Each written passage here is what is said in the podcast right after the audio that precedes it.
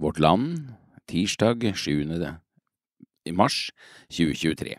Lydutgaven produseres av KAB kristent arbeid blant blinde og svaksynte. Det er Jonas Kippersund som leser.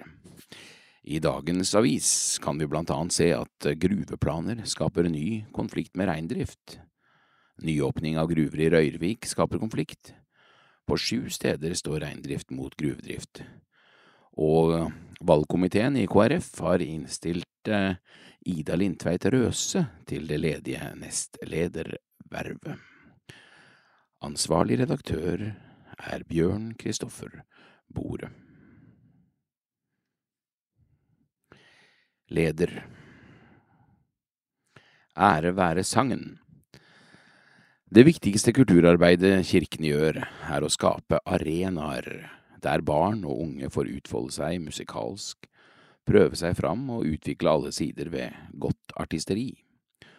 Lørdag skrev Vårt Land om et fenomen som ser ut til å gjenta seg. Flere av deltakerne i årets The Voice-sesong har kristelig bakgrunn, dette har vi sett mange ganger tidligere. Blant norske sangere og musikere har veldig mange trådt sine barnesko i kirker og menigheter over hele landet. The Voice er et talentprogram for sangere på TV 2. Tidligere har mange sesonger av Idol rullet over skjermen, og før det igjen ulike programmer med liknende konsepter. For den som har blikk for det, er det lett å spotte sangere som har fått sin musikalske dannelse i barnekor, TenSing og lovsangsgrupper. Viktig kulturarena. Når Den norske kirke og andre kirkesamfunn skal fortelle omverdenen om sitt samfunnsbidrag, ligger fokus ofte på fellesskapsarbeid, sorgarbeid og diakonalt arbeid. Ofte nevnes også kirkene som kulturarena. Imidlertid blir det ikke alltid tydelig at kirkene driver med kultur på andre måter enn å legge til rette for musikk og musikere som allerede er profesjonelle.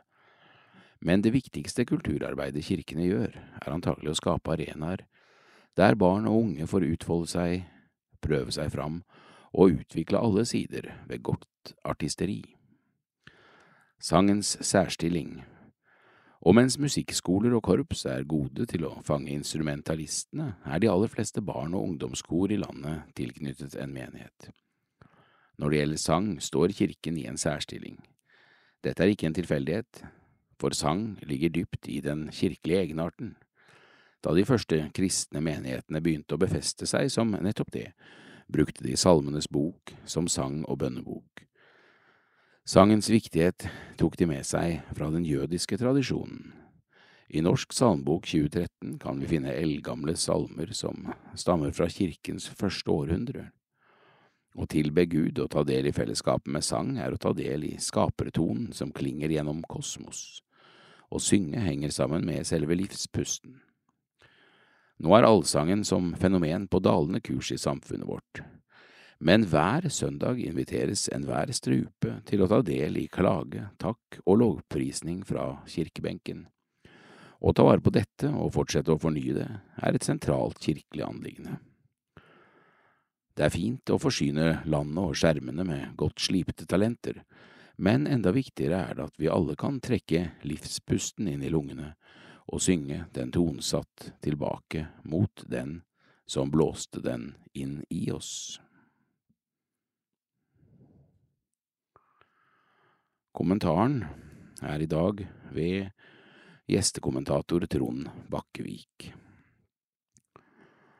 Når prester tar lekfolkets plass, og la seg vigsle til prest er et valg for livet.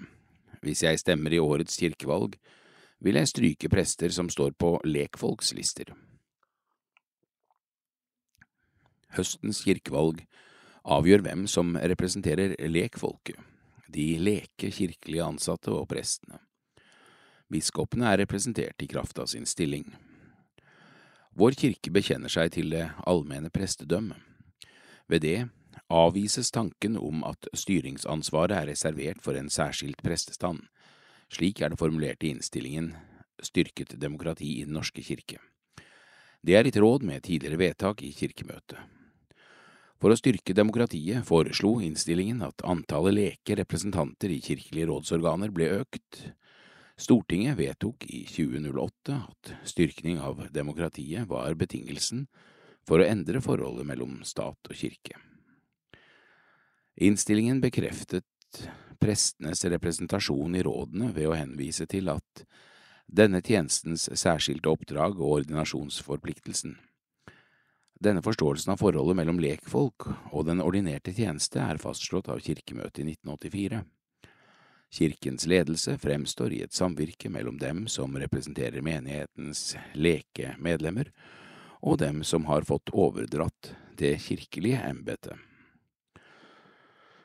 Presten står i en særstilling. Prester er aldri lekfolk. Prest er ikke en yrkestittel. En prest har fått overdratt det kirkelige embetet. Uansett stilling kan han eller hun forrette gudstjeneste med dåp, nattverd vie par som vil gifte seg og ta ansvar for bisettelser og begravelser. Ved vigslingen avlegger prester løfter som gjelder for hele livet. Det er bare når han eller hun frasier seg sine rettigheter og plikter at vedkommende ikke lenger er prest. Biskopen kan, i spesielle tilfeller, frata presten rettighetene. Å la seg vigsle til prest er et valg for livet. Dette er bakgrunnen for at prestene har en spesiell rolle i kirkelige rådsorganer. Den er knyttet til det vår kirkes bekjennelse sier. For at vi skal komme til denne tro, er det innstiftet en tjeneste med å lære evangeliet og meddele sakramentene. På kirkemøtet og i bispedømmeråd og menighetsråd er presters ansvar å se til at kirkens arbeid ivaretar dette formålet i tråd med kirkens lære. Positivt listemangfold Jeg er glad for at kirkelige valg nå gir velgerne flere alternativer enn en ferdigtygget liste fra bispedømmerådets nominasjonskomité. Åpen folkekirke var det første bidrag til mangfoldet. Nå er det flere, og det er bra. Åpen folkekirke begynte i 2015 med et brakvalg.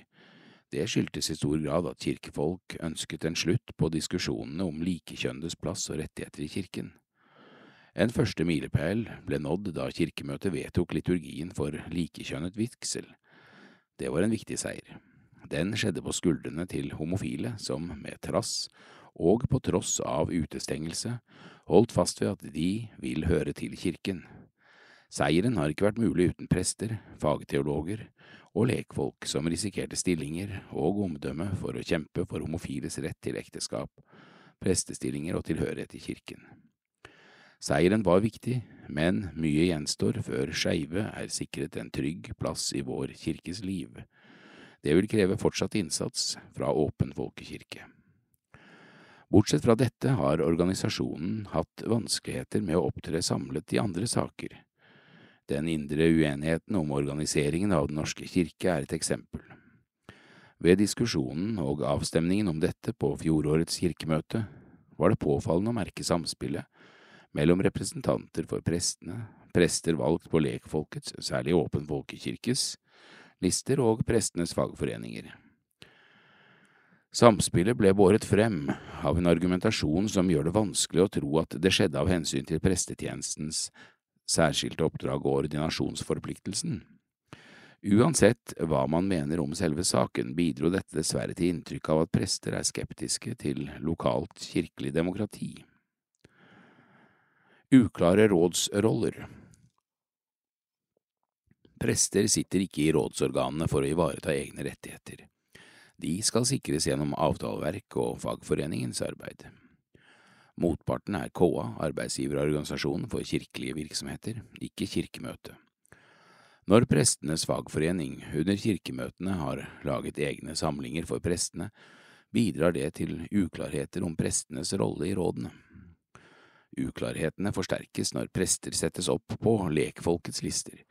I Oslo bispedømme står to prester på toppen av Åpen folkekirkes liste. Det samme skjer i andre bispedømmer. Dette er prester som er pensjonister eller arbeider i andre sammenhenger. Når Åpen folkekirke lar prester erstatte lekfolk i kirkelige råd, undergraver organisasjonen det alminnelige prestedømmet. Det undergraver både vår kirkes teologi og lekfolks plass i kirken og kirkestyret. Ved årets kirkevalg ville jeg helst at vi prester, uansett stilling, kunne stemme på en prest. Kandidaten må være en prest i aktiv tjeneste. Vi prester, uansett om vi er pensjonister eller arbeidere annensteds, blir aldri lekfolk. Det er konsekvensen av at vi en gang i livet har latt oss vigsle. Derfor er det viktig at vi støtter prester som i rådene ivaretar tjenestens særlige oppdrag og ordinasjonsforpliktelsen. Som pensjonert prest har jeg med den nåværende ordning rett til å stemme på lekfolkets kandidater til kirkemøtet. Fordi jeg ikke er lek, er jeg usikker på hva jeg gjør. Hvis jeg stemmer, vil jeg stryke prester som står på lekfolkslister. Jeg oppfordrer alle velgere til å gjøre det samme.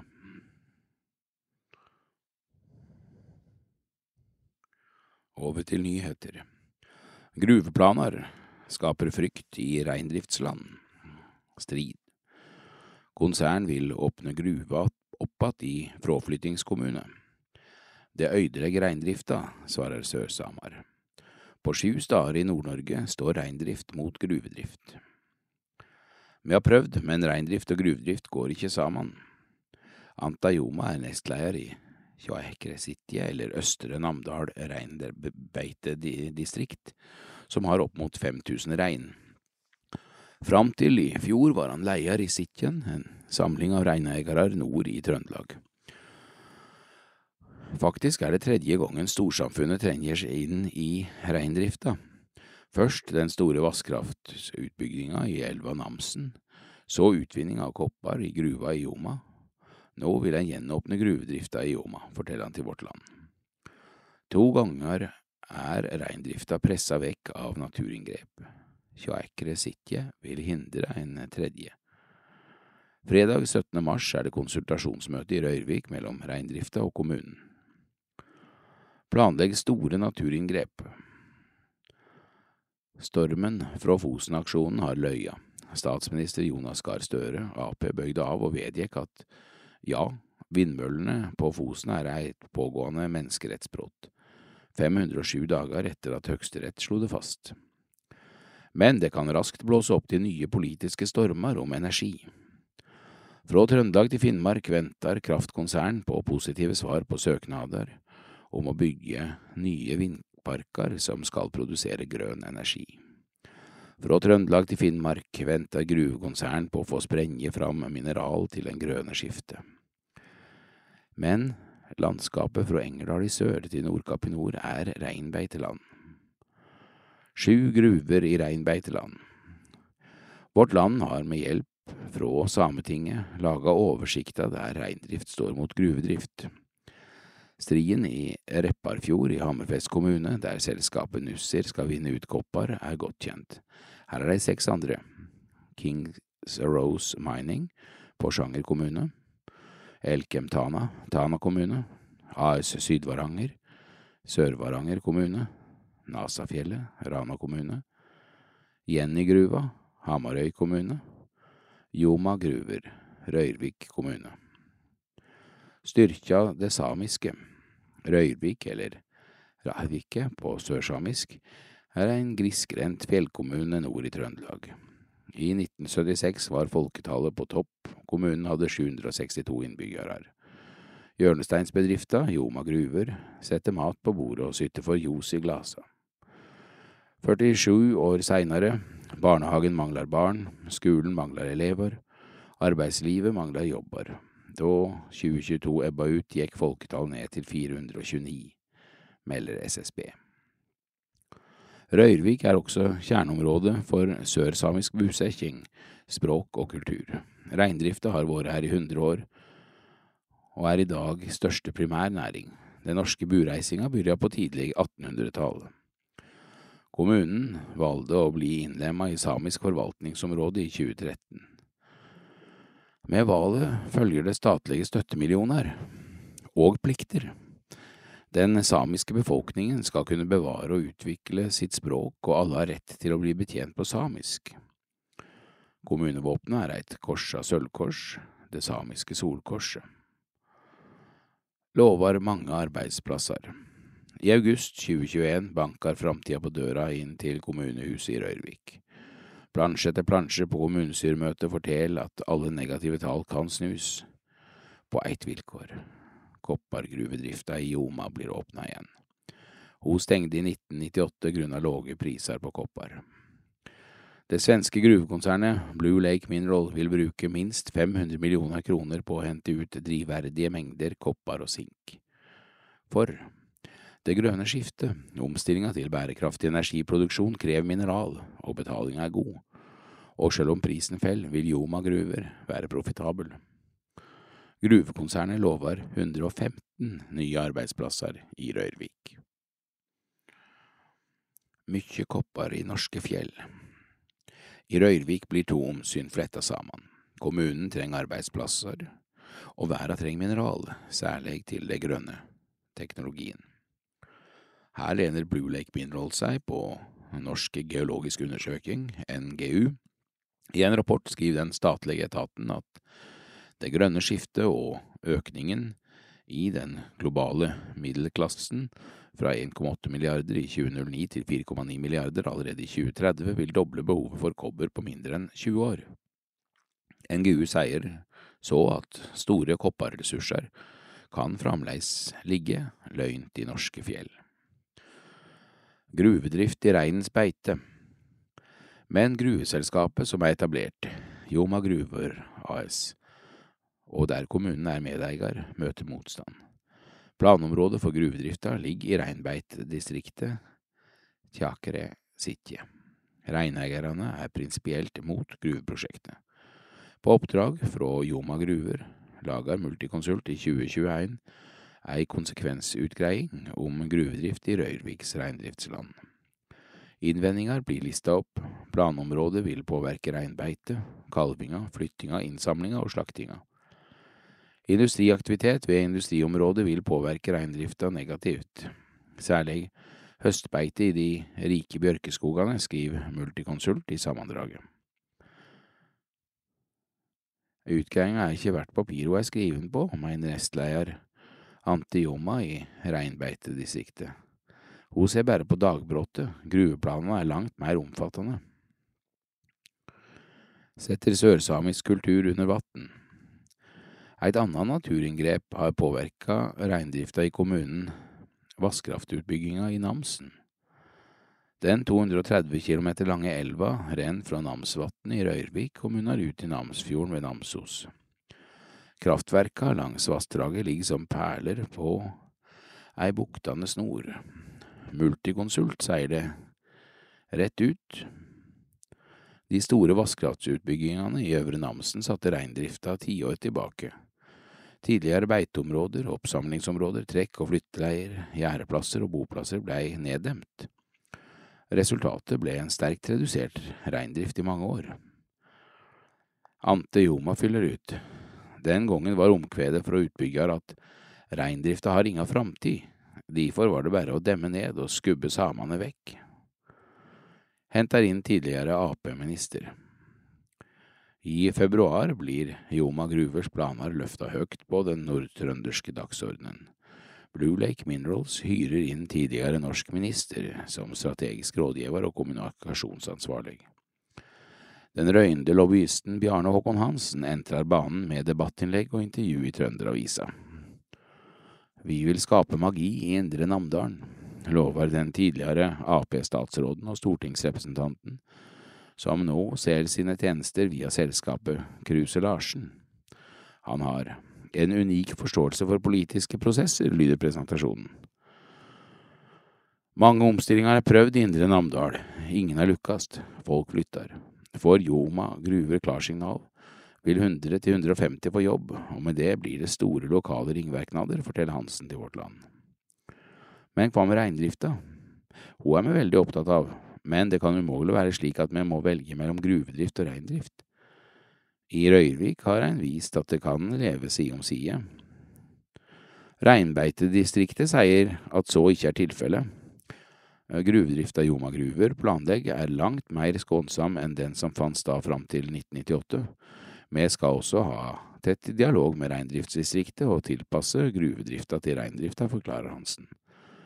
Vi er villige til å forhandle om alt, legger han til må oppfylle tre krav. Før første salve i Joma gruver må kommunestyret i Røyrvik si ja til reguleringsplanen. Så må Næringsdepartementet, som gjev konsesjon til gruvedrift, si ja. Sametinget har allerede sagt nei. Senterpartisten Hans Oskar Devik har vært ordfører for den borgerlige samarbeidslista siden 2015 og har hatt sete i kommunestyret siden 1992. Han vedgår opp at bygdene i Røyrvik blir avfolka, mange finner framtida i en annen stad. Derfor er nye arbeidsplasser svært etterspurte. Men som ordfører har jeg tre krav som må bli innfridde. Gruvedrifta må være i samsvar med reindrift, forurensningsspørsmålet må være løst, og vi må ha lokal verdiskaping. Vi tar en tur til Sverige. Trofaste velgere skremt av hard profil. Trøbbel. Etter fire måneder i regjering ramler KrFs svenske søsterparti under sperregrensen. Fersk rapport fra partiet selv viser at hard profil skremte frikirkevelgere ved valget i fjor. Ebba Busch ble både visestatsminister og energiminister da de borgerlige i Sverige i fjor overtok regjeringsmakten. Den ble sikret av avtale med høyrepopulistiske Sverigedemokraterna, SD. Men nå går det nedoverbakke med både siffer og tillit for Kristdemokraterna, KD.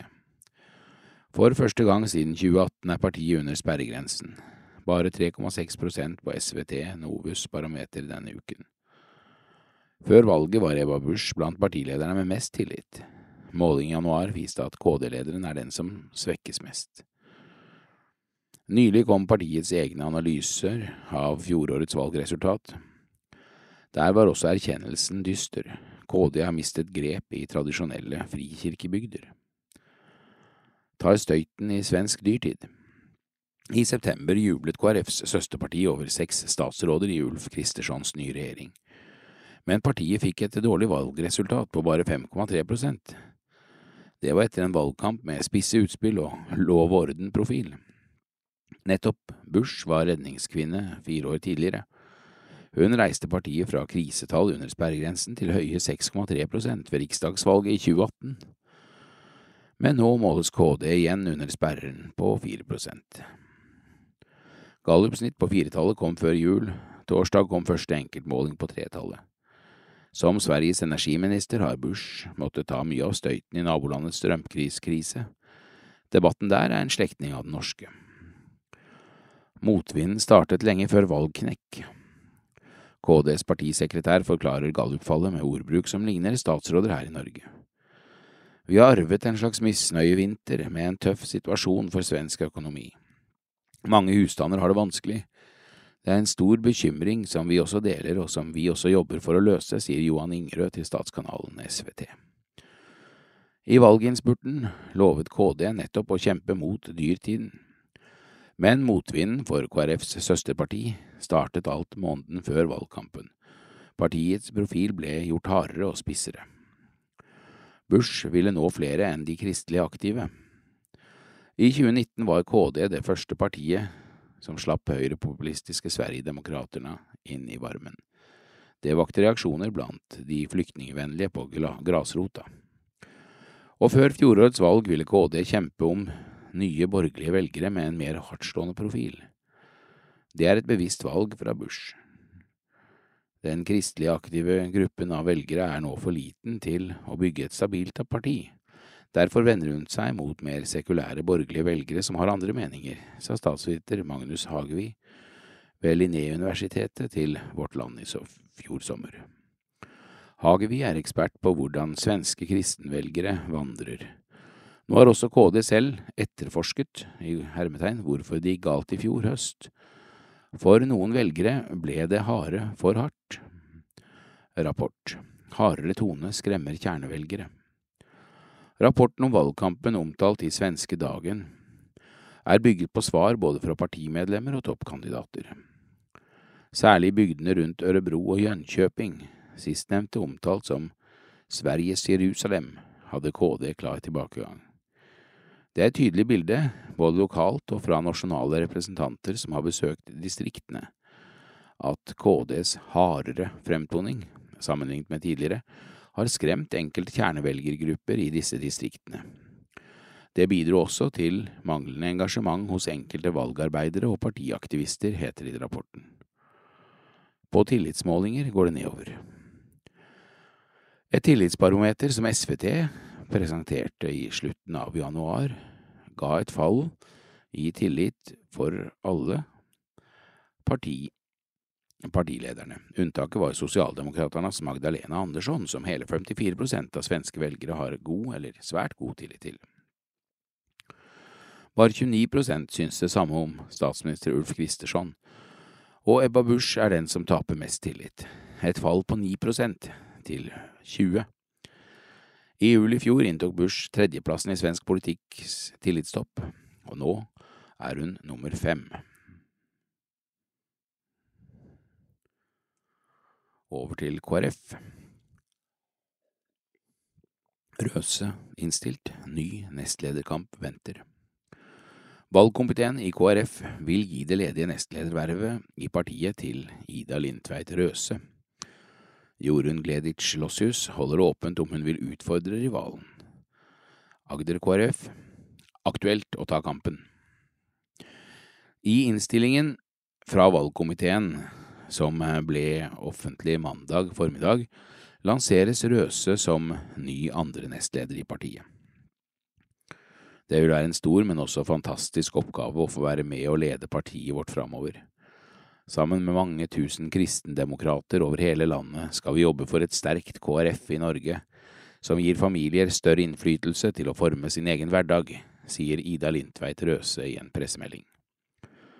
Komiteen var splittet om kandidatene, men et flertall ønsket Røse. Utfallet ble en samlet innstilling, og ikke en delt, selv om flere av KrFs fylkeslag ønsket Lossius. Valg av nestleder skjer på KrFs landsmøte 22. til 23. april på Hamar. Lossius avviser ikke ny kamp. Selv skriver Lossius dette til Vårt Land. Jeg registrerer at et flertall i valgkomiteen har pekt på Ida, og vil i den forbindelse gratulere henne med innstillingen. På spørsmål om det er aktuelt for henne å utfordre Røse gjennom et benkeforslag på landsmøtet i april, svarer hun dette. Jeg er som kjent motivert for nestledervervet og vil naturligvis gjøre mine vurderinger inn mot landsmøtet, men jeg har ikke hastverk med å ta stilling til dette. Dermed holder Lossius en mulig nestlederkamp fortsatt åpen. Kan ta kampen på landsmøtet. Nestlederen i fylkeslaget hennes går et skritt lenger. For Agder KrF er det høyst aktuelt å fremme benkeforslag på Lossius som nestleder i selve landsmøtesalen. Dermed er altså ikke KrFs nestlederduell over. Det kan være aktuelt å foreslå Jorunn som nestleder under landsmøtet. Innspillene valgkomiteen har fått fra fylkene er jo delt sånn fifty-fifty. Prosessen viste jo at Jorunn har stor støtte i partiorganisasjonen. Dessuten reagerer vi på at Valgkomiteen ikke har funnet plass til noen fra Agder i sentralstyret, sier Rune André Søtveit Frustøl, første nestleder i Agder KrF, til Vårt Land. Bollestad og Ulstein tar ny tørn. Ikke uventet innstiller valgkomiteen Olaug Vervik Bollestad til en ny toårsperiode som leder, sammen med sittende nestleder Dag Inge Ulstein. Valgkomiteen har jobbet godt med de innspill vi har fått gjennom høringsrundene, dette er en innstilling jeg er stolt av, og som viser bredden i KrF, og som både vil være en fornyelse og gi stødig lederskap fremover, sier leder for valgkomiteen, Helga Marie Bjerke. Vil ikke ut med hvor stort flertallet var. Overfor Vårt Land er Bjerke knapp, med informasjon om styrkeforholdene i komiteen. Hvor stort var flertallet bak Røse? Svaret på dette anser vi å tilhøre komiteens interne arbeid. Var det et knapt flertall? Det kommenterer jeg ikke ytterligere. Disse foreslås til sentralstyret. Etter det Vårt Land har fått opplyst, ønsket ikke Lossius å stille til vanlig sentralstyreplass i partiet. Til disse postene foreslår valgkomiteen Vidar Skogan, Troms, Magne Suppellen, Vestland, Øystein Skjern, Rogaland, Karoline G. Nordbø, Oslo, Randi W. Frisvold, Møre og Romsdal. På spørsmål om hvorfor ikke Lossius er å finne på listen over sentralstyrkandidater, svarer komitéleder Bjerke. De vi har innstilt, er foreslått i høringen, og via vår egen, vi har vår egen anledning til å fremme navn. Det er kandidater vi gjerne skulle hatt på denne listen, men som har valgt å takke nei. Var Lossius blant dem som takket nei? Også svaret på det spørsmålet tilhører vårt interne arbeid. kan bli overraskelser. Røse hadde flere fylkeslag i ryggen enn Lossius da valgkomiteen gikk løs på sluttspurten i arbeidet. Vårt Lands oversikt fra januar i år viste da at Røse var i tet, med blant annet anbefaling fra Rogaland, Innlandet, KrFU, Troms og Finnmark, samt hjemfylket Viken. Lossius hadde blant annet Møre og Romsdal, Vestfold, Telemark og Agder som forslagsstillere. Vestland leverte en delt innstilling. Det er ikke tradisjon for å binde delegater under KrFs landsmøter. I flere av fylkeslagene i kjernefylkene på Sør-Vestlandet var det store mindretall i fylkesstyrene da forslagene til valgkomiteen ble vedtatt. Det gir en overraskelsesmulighet dersom nestlederkampen avgjøres i åpen landsmøtesal.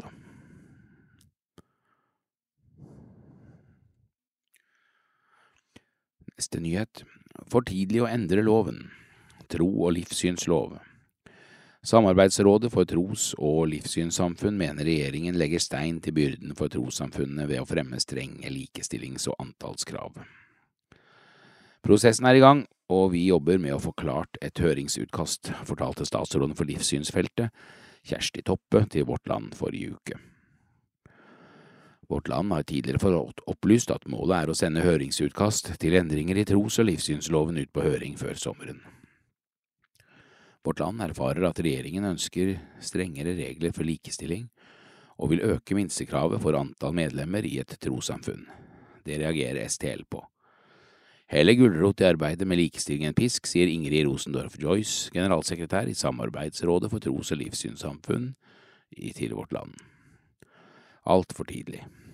Seire som forrige regjering og KrF jublet over i tros- og livssynsloven, kan med Ap og Sps planlagte grep nå forsvinne, skrev Vårt Land forrige uke. Nå stiller STL seg spørrende til at det mangler erfaringer før en ny lovendring kommer på høring. Det var akkurat dette vi ville unngå. Vi ønsket et bredt politisk forlik i Stortinget i 2020, nettopp for å slippe en ny runde som vi får nå. Hun viser til at det har vært en stor omstillingsprosess for trossamfunnene med den nye loven, og at de har hatt liten tid til å gå gjennom erfaringene med den knappe to år gamle loven. Vi får avvente hvilket antall de legger seg på til høringsrunden, sier Rosendorf Joyce, som foreløpig ikke selv vil tallfeste et minimumsantall. I dag er antallskravet i norske trossamfunn minst 50 medlemmer for å sikre seg statsstøtte. Fra regjeringshold har Vårt Land fått bekreftet at Høyres høyere medlemskrav til tros- og livssynssamfunn vil komme. Det bekymrer STL, som ikke selv vil tallfeste et minimumsantall. Dersom antallskravet økes, må det gjøres unntak for trossamfunn som ikke på noen naturlig måte kan slås sammen med andre, for eksempel kvekerne. Vi legger til grunn at det er, blir lagt til rette for slike unntak. Samarbeidsrådet for tros- og livssynssamfunn er en paraplyorganisasjon for tros- og livssynssamfunn og sammenslutninger av disse. Vi er ikke et konsern. Hurdalsplattformen varsler også et krav til at administrative organer i trossamfunn skulle være demokratisk valgt og ha minst 40% representasjon av hvert kjønn.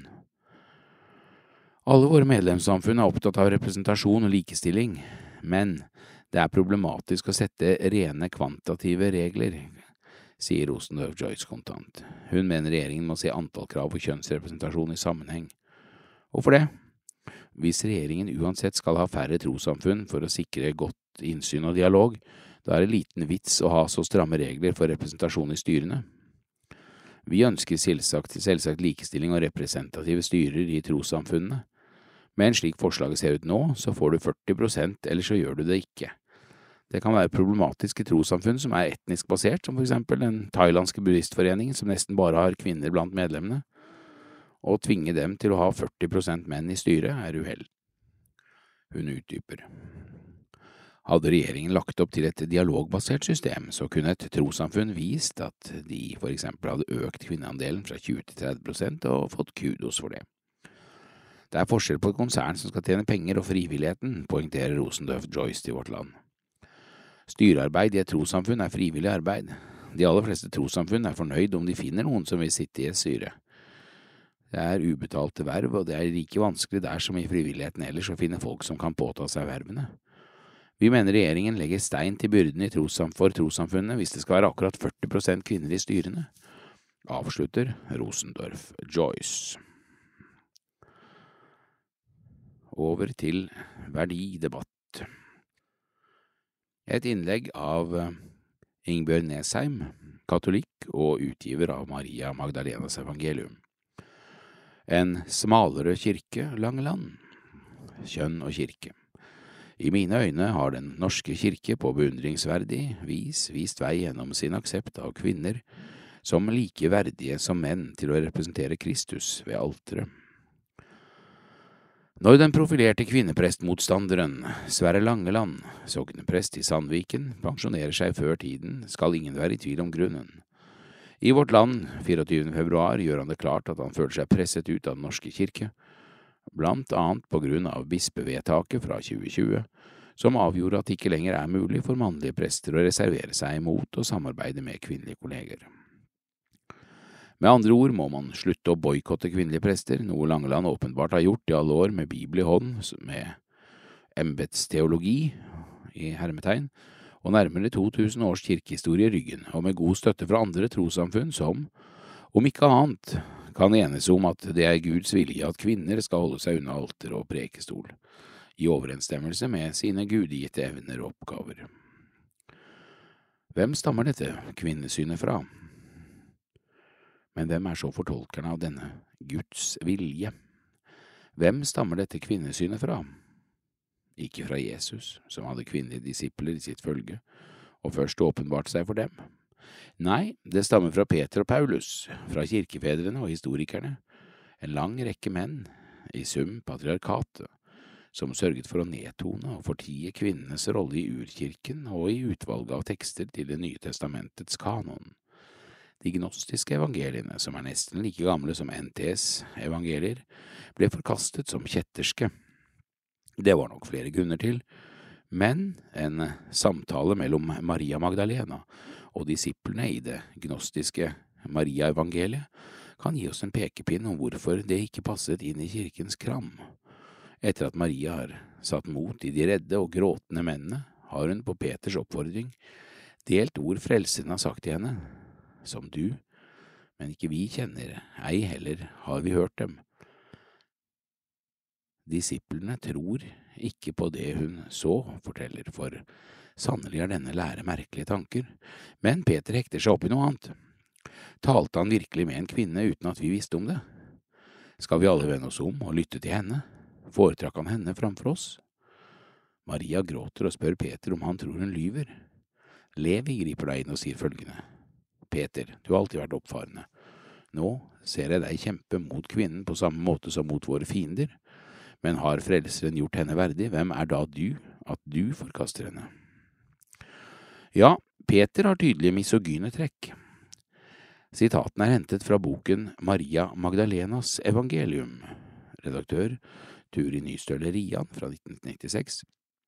I sin lærde og instruktive innledning til de gnostiske tekstene skrev nå avdøde professor. Theol Turid Karlsensheim, følgende om det vanskelige forholdet mellom Maria Magdalena og Peter, som omtales i flere skrifter, blant dem Psis eh, Sofia, konflikten mellom Maria og Peter er et dominerende innslag i teksten. Ja, Peter har tydelig misogyne trekk. Han har problemer med at Maria er åndelig mer fremskreden enn hans mannlige kolleger, hun som er av kvinneslekt. Seim stiller spørsmålet, har dette vært en diskusjon om Maria Magdalena, en Jesu disippel den gang da åpenbaringen ble gitt, eller har den like mye dreid seg om hvilken rolle kvinner skulle spille i tekstenes egen samtid? Det siste kan ikke avvises. Vi aner heftige kontroverser om kvinner kunne utøve lederskap og være åndelige autoriteter, og vi aner at sterke kvinner har truet menn som var vant til at de hadde makten, retten og æren. Vi aner en historie som har vært glemt og ukjent, men som samtidig er oss underlig velkjent. Den norske kirke har vist vei. Ja, underlig og sørgelig velkjent.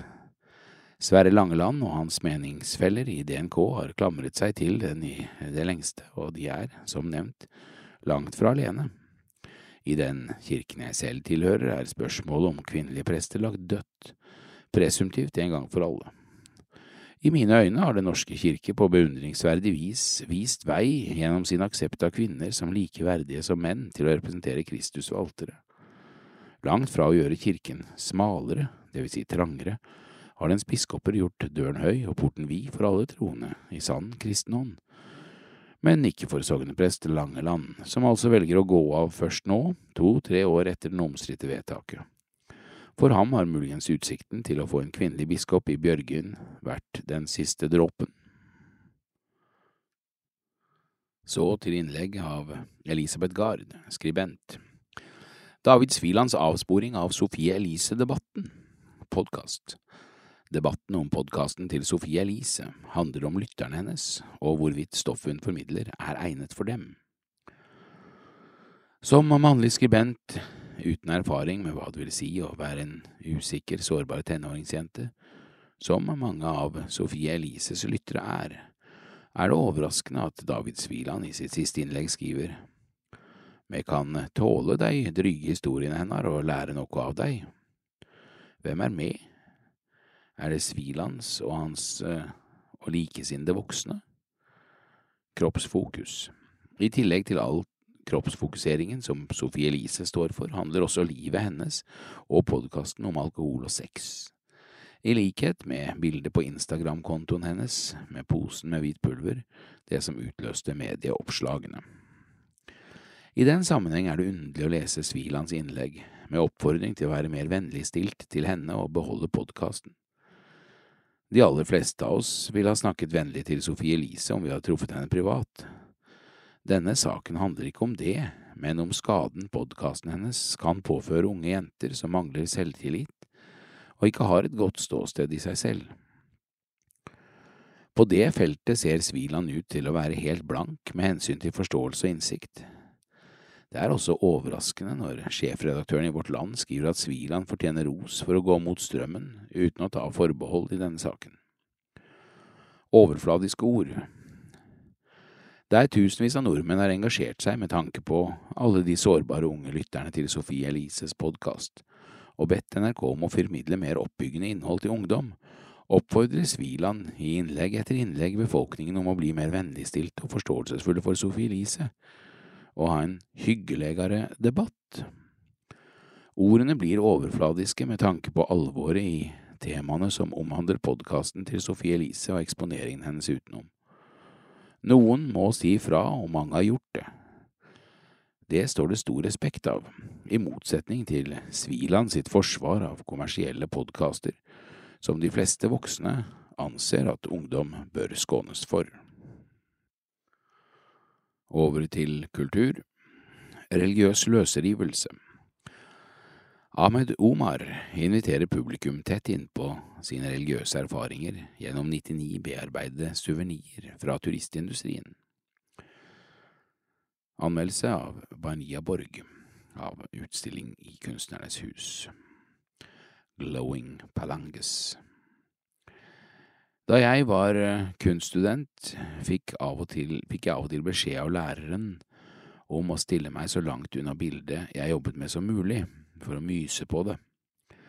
På den måten skulle jeg få mer oversikt over hva som foregikk i bildet, litt som å kikke på et kart i stedet for å stå midt i landskapet med busker og trær overalt. Ahmed Umars arbeider på Kunstnernes hus krever derimot, i en slags ulogisk forlengelse av dette, at publikum kommer helt tett innpå kunsten som for tiden stilles ut der. En oppvekst med religion Omar er født i 1988 og har rukket å bli et velkjent navn i norsk samtidskunst til tross for sin, i kunstnersammenheng, relativt unge alder. Han er utdannet ved Kunsthøgskolen i Oslo og født i Sudan. Der vokste han opp i en kultur med sufistiske tradisjoner, som blant annet innebar bruk av bønnekjeder og beskyttelsesamuletter. Senere flyttet han og familien videre til Mekka, hvor den mer minimalistiske trosretningen Wahhabisme var utbredt. Der ble bønnen utført ved å bruke fingerleddene på høyre hånd heller enn et kjede. Det kan være greit å ha nettopp denne bakgrunnsinformasjonen på plass, da dette legger grunnlaget for den rike og intime utstillingen hvor Guds vrede lurer rundt hvert hjørne. Alternativt bønnekjede. Ved inngangen til Kunstnernes hus vaier det for anledningen to pride-flagg. Omar er en kunstner som ofte nevnes i samme åndedrag som Skeiv Kamp, og da særlig i et muslimsk perspektiv. Tittelen på utstillingen, Glowing Palanges, viser til et fenomen som skal bekrefte og belønne korrekt religiøs praksis, nemlig glødende fingerledd etter å ha brukt dem til å be, heller enn amuletter og bønneperler. Overlyssalene i Kunstnernes hus er store. I det første rommet er 99 ulike objekter plassert i øyehøyde på veggen, der de ryddig henger etter hverandre. Hvert objekt skal representere en perle fra et bønnekjede, og hviler på gipsavstøpte hender i ulike posisjoner, hentet fra bevegelser knyttet til bønnen. De fleste objektene er ikke større enn at de får plass i en håndflate, og opphengingen dikterer hvordan publikum beveger seg i salen. Størrelsen på bønneperlene får rommet til å fremstå underlig åpent og tomt, til tross for at de dekker alle sider av det. Den fornemmelsen ble forsterket av at publikum beveger seg langs veggene med ryggen til resten av rommet, og all oppmerksomhet festet til de delikate, taktile og deilig detaljerte perlene. Abstrahert ubehag Omar er i aller høyeste grad en kunstner som viser omsorg for materialene, og de er da også av det mer spektakulære slaget.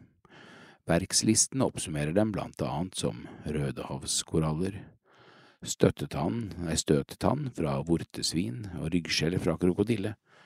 Alt sammen er hentet fra kunstnerens samling av objekter knyttet til turisme og misjonærvirksomhet i Asia og Afrika, og satt sammen til elegante, om noe abjekte skulpturer.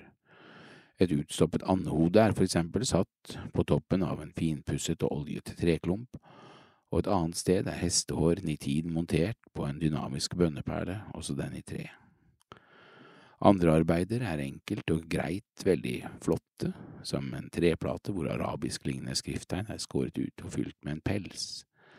Det er som om Meret Oppenheims pelskledde tekopp fra 1936 lusker i skyggene, selv om Omar beveger seg i et mer abstrakt landskap enn den tysk-sveitsiske surrealisten.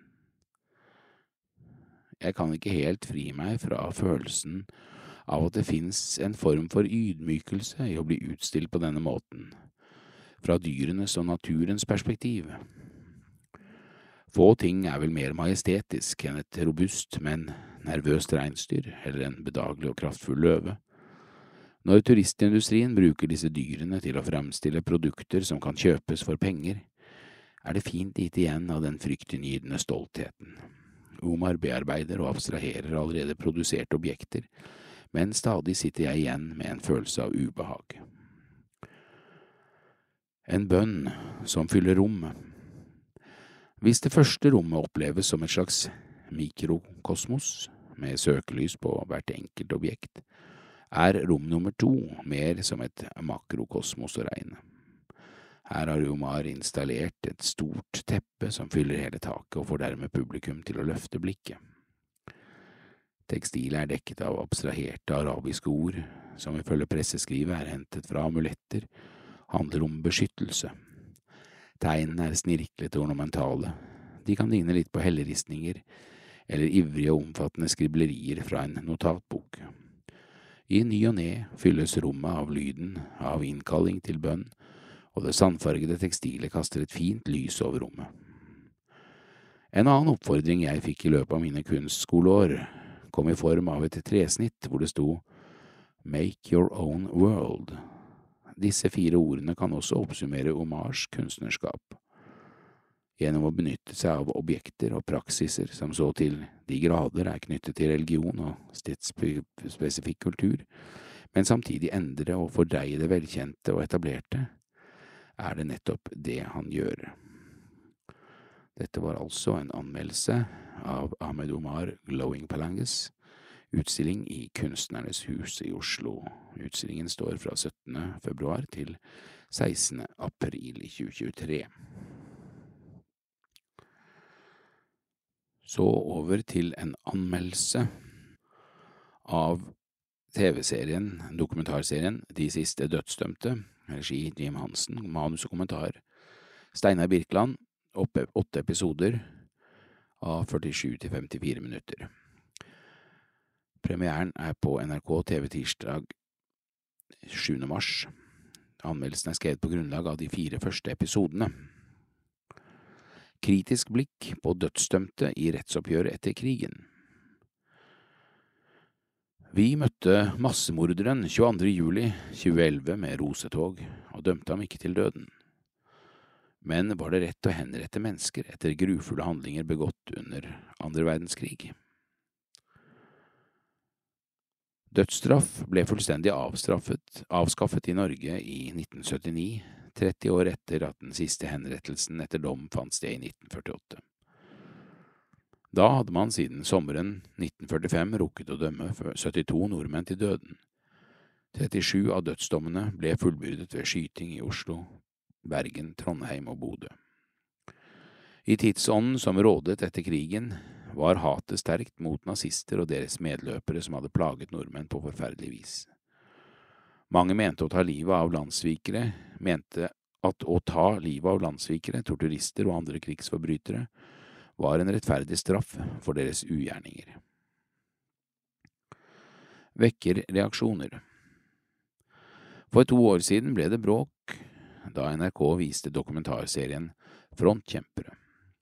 Noen mente at regissør Alexander Christiansen forskjønnet frontkjempernes motiver og opplevelser ved å la dem selv fortelle hva de var med på i nazistenes krig på østfronten. Kan lignende reaksjoner vekkes av TV-serien De siste dødsdømte, fordi historikere og etterkommere av de henrettede nå slipper til med kritiske spørsmål. Etter å ha sett fire av åtte episoder som NRK har gjort tilgjengelig for anmeldere, mener jeg at serien er uhyre viktig.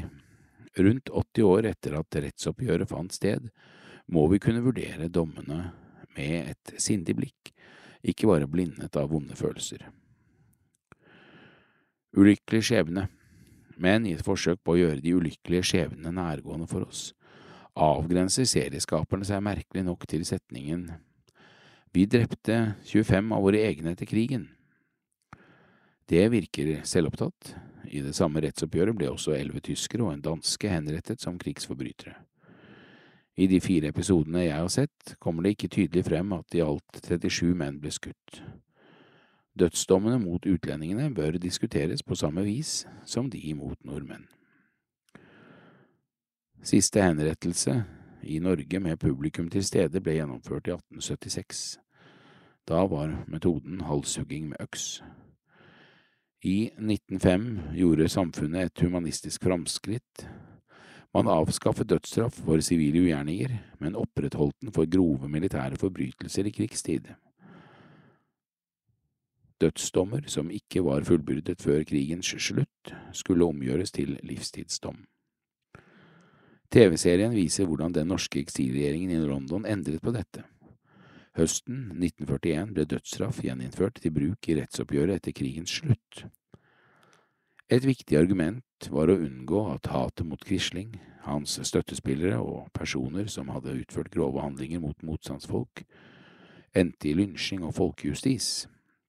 Derfor ville man dømme gjerningsmennene i en rettssal.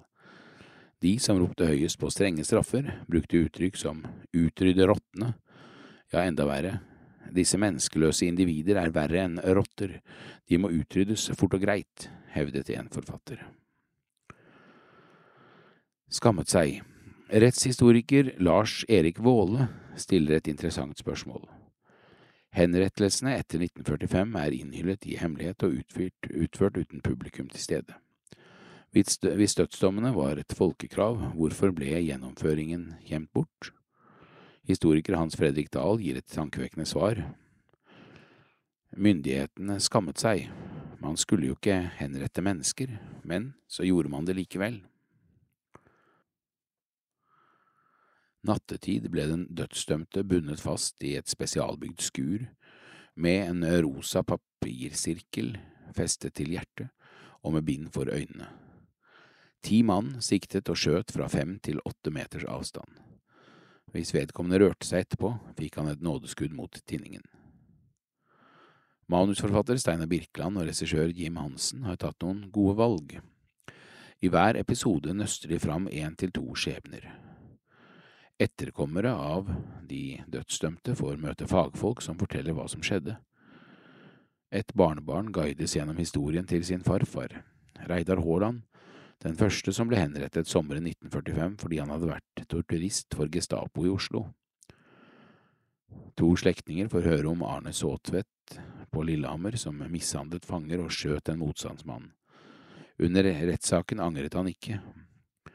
Parallelt vises glimt av oppgjøret med Vidkun Quisling. Bærer skam. En rystende episode handler om statspolitisjef Hans Jakob Skaar Pedersen, som hevdet at han slo norske fanger for å redde liv. Retten mente at han løy og dømte ham til døden. Men hva om han snakket sant? Det gjør også vondt å se episoden om Holger Tau, som hadde mangelfullt utviklede sjelsevner. Han måtte ifølge dommeren, dommerne dø, mens statsråd Sverre Risnes, som sendte norske jøder til gasskamrene, fikk leve.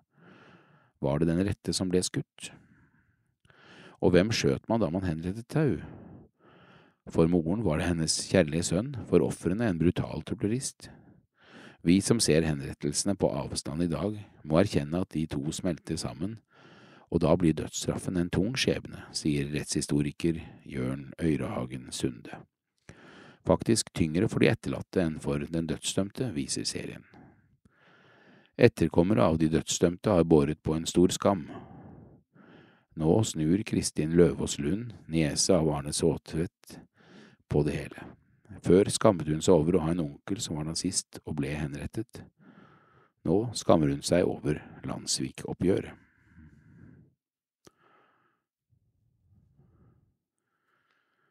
Ettertanken er i dag ved pensjonert prest Knut Grønvik. Bibelteksten er fra andre Korinterbrev 12, 7–10. For at jeg ikke skal bli hovmodig på grunn av de høye åpenbaringene, har jeg fått en torn i kroppen, en Satans engel som skal slå meg, for at jeg ikke skal bli hovmodig. Tre ganger ba jeg Herren om at den måtte bli tatt fra meg, men han svarte, Min nåde er nok for deg, for kraften fullendes i svakhet. Derfor vil jeg helst være stolt av mine svakheter, for at Kristi kraft kan ta bolig i meg, og derfor er jeg fylt av glede når jeg for Kristi skyld er svak, blir mishandlet, er i nød, i forfølgelser og i angst. For når jeg er svak, da er jeg sterk. Overraskende trøst og mening. Kanskje er Kristus så nær at han ikke kan skjelnes fra smerten. Den tanken skrev jeg for mange år siden her i vårt land i en kommentar til den tornen i kroppen og styrken i svakheten som Paulus snakker om i dagens bibeltekst. Kanskje er Kristus så nær at han ikke kan skjelnes fra smerten. Ordene kom overraskende, og jeg vet ikke helt hva de betyr. Likevel, eller kanskje nettopp derfor, berører de meg. De kommer med kraft fra et sted utenfor språkets grenser. Det er ord som trøster og styrker meg. For fire år siden ble jeg alvorlig syk. Da ble jeg, med kreft i kroppen, overrasket over kraften og gleden i en tanke Thomas Kingo noterte en gang på 1600-tallet. Skal sykdom, sorger og ulykke, skal trengsel eller fattigdom meg etter Herrens vilje trykke, la aldri troen støtes om. Norsk salmbok 792 Merkelig nok kjente jeg dyp trøst ved tanken på at Herrens vilje kunne være inne i bildet.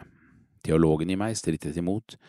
Det er en umulig tanke at Gud står bak og har en mening med alle ulykker, overgrep, terror, katastrofer, alt vondt i verden og i vanlige menneskers liv.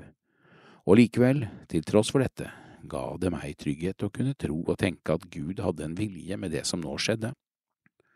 Var det noe lignende Paulus kjente? Han tryglet og ba, men Gud tok ikke den tornefulle smerten fra ham. Likevel fant han overraskende trøst og mening. Guds svar på bønnen var, min nåde er kraft er nok for deg, for kraften fullendes i svakhet. Og Paulus konkluderte, derfor vil jeg helst være stolt av mine svakheter, for at Kristi kraft kan ta bolig i meg. Selv ble jeg frisk og kvitt mitt, min torn i kroppen. Det ble ikke Paulus, og det blir langt fra alle. Altfor mange må leve med kroniske lidelser i kropp og sjel. Mørket viker ikke. Hva tanken om Kristi kraft i svakheten da betyr, kan jeg ikke mene så mye om av egen erfaring. Men en gang besøkte jeg en mann som beriket mange med sin kraftfulle trosglede. I årevis levde han med en sykdom som langsomt brøt ham ned. Da jeg ankom tunet hans, kom han ut og sa, Kanskje er Kristus så nær at han ikke kan skjelnes fra smerten. Jeg hadde glemt den rare setningen med ord jeg ikke ante rekkevidden av. Men vi er altså i alle fall to som har funnet trøst og kraft i den. Da gjenstår det bare å ønske dere som har fulgt denne lydutgaven av Vårt Land, produsert av KAB, kristent arbeid blant blinde og svaksynte, og lest av Jonas Kippersund, en riktig god dag.